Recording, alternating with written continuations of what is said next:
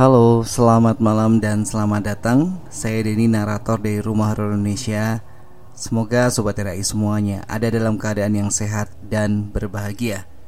Malam hari ini saya akan membacakan sebuah email yang masuk dan cerita kali ini mungkin gak sepanjang beberapa episode sebelumnya karena saya nggak pengen campur cerita ini dengan yang lain biar ke highlight gitu ya. Jadi ini adalah kiriman lagi dari Delby Queen yang menceritakan pengalamannya ketika mendapatkan penyakit misterius. Dan sebelum masuk ceritanya, saya berterima kasih kepada Delby Queen yang membagikan pengalamannya untuk bisa dinikmati di Rumah Horor Indonesia. Aku mau sharing cerita sedikit berdasarkan pengalaman pribadiku.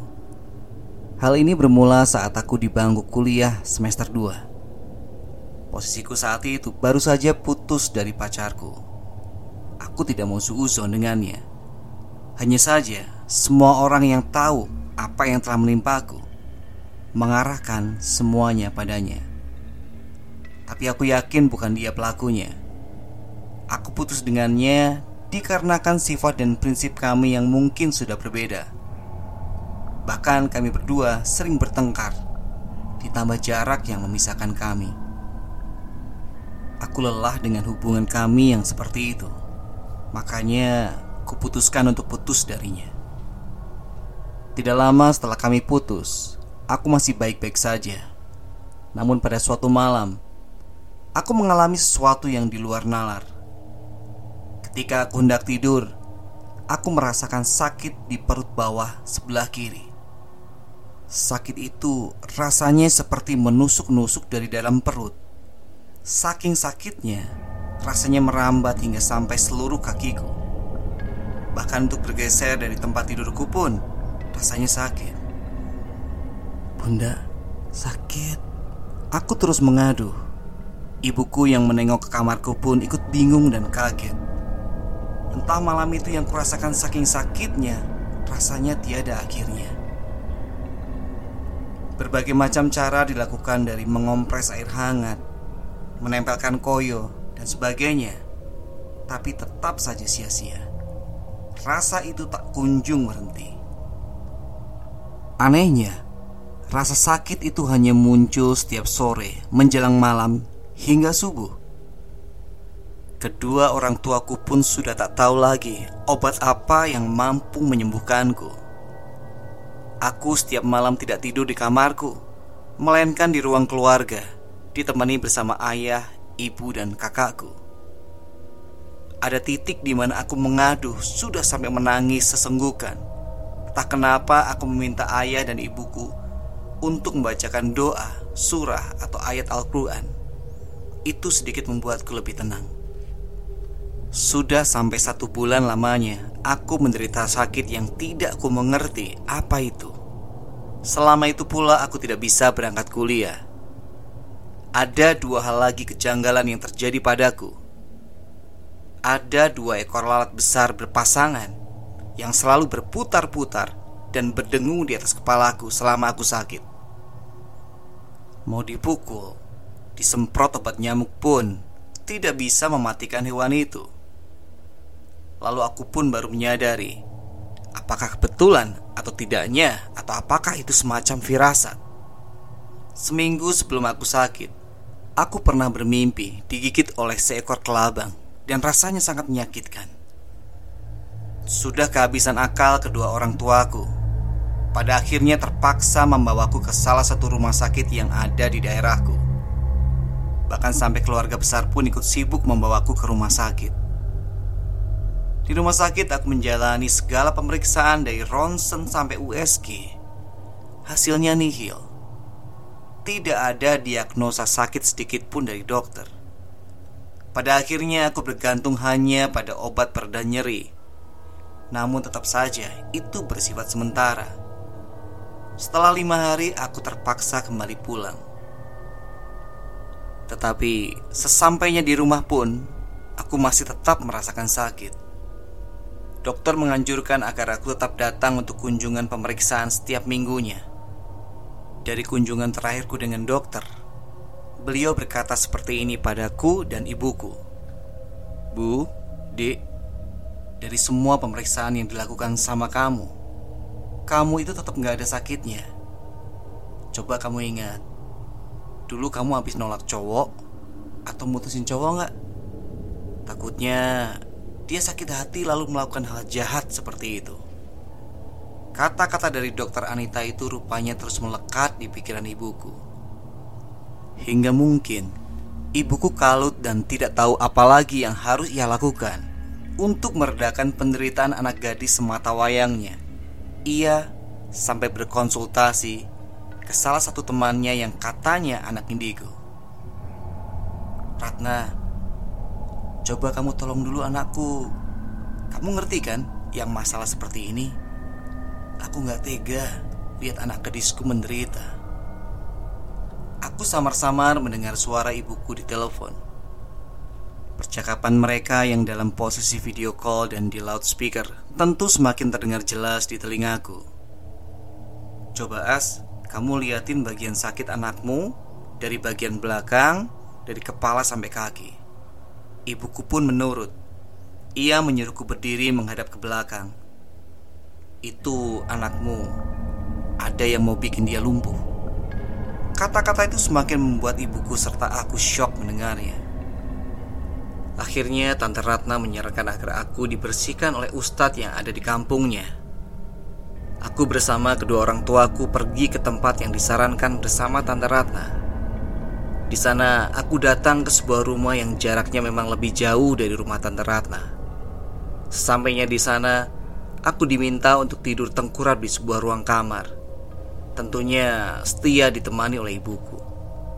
Setelah dalam posisi tengkurap, tubuhku ditutup kain sarung.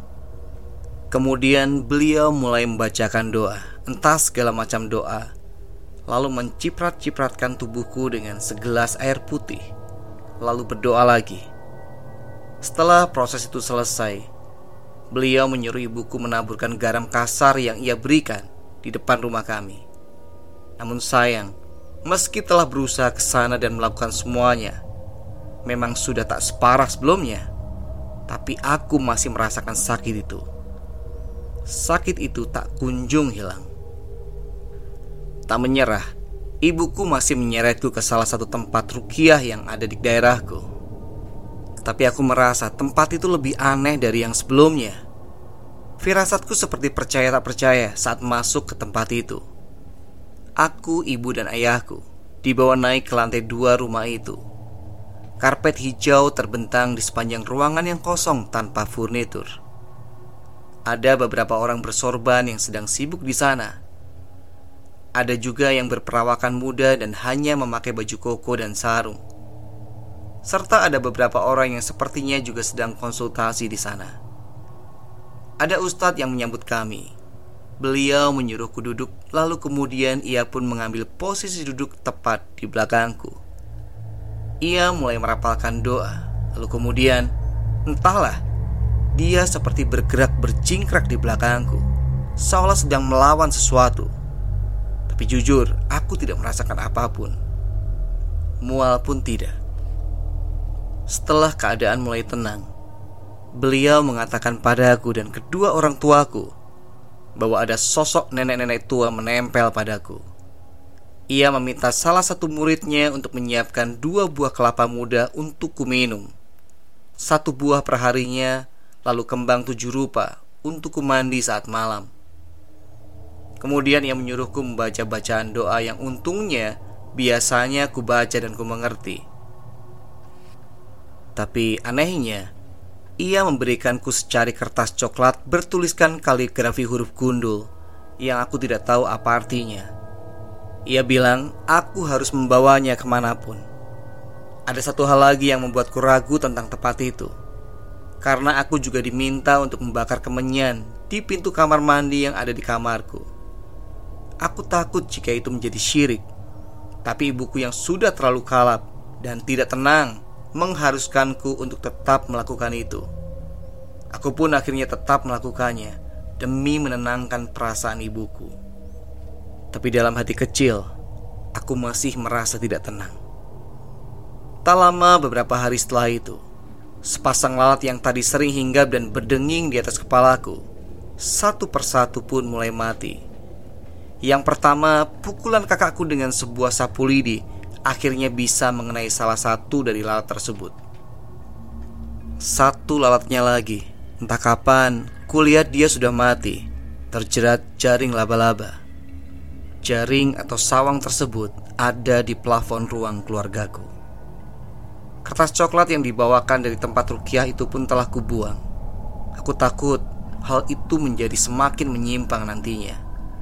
Lalu karena itu aku juga sholat taubat Karena aku juga takut yang kami lakukan itu dosa Lalu suatu hari ART yang bekerja di rumahku Memberi saran pada ibuku Karena sakitku yang masih belum kunjung sembuh Bu, si adik coba diurutin saraf aja ada si mbah yang suka urutin anakku waktu sakit mencret. Alhamdulillah, sekarang bisa sembuh, Bu. Akhirnya Simbah pun dipanggil ke rumah untuk mengurut tubuhku. Dalam posisi tengkurap, aku diurut mulai dari pinggang sampai ujung kaki. Kata beliau sih, aku terkena saraf kejepit. Tapi memang ajaibnya, setelah selama sembilan kali diurut, aku mulai bisa berjalan dengan normal dan tidak merasakan sakit lagi. Akhirnya sampai saat ini aku dan seluruh keluargaku menganggapnya bahwa musibah yang menimpaku selama ini dikarenakan aku terkena sakit saraf terjepit. Karena terbukti saat ini aku telah sembuh dari sakitku itu. Namun ada satu lagi yang kadang masih mengganggu pikiranku, yaitu kenyataan bahwa saat aku tahu salah satu teman ibuku yang juga menderita sakit saraf terjepit sepertiku, ia juga sempat ditangani oleh dokter di rumah sakit dan dokter dapat mendiagnosa bahwa ia memiliki saraf sakit kejepit. Tapi kenapa saat itu dokter tidak bisa mendiagnosa diriku ya? Oke, itu tadi sebuah cerita atau pengalaman dari Delby Queen. Semoga sobat RI semua bisa mengambil hikmahnya. Semoga kalian juga terhibur dengan cerita tadi. Sampai ketemu di cerita berikutnya. Selamat malam, selamat beristirahat.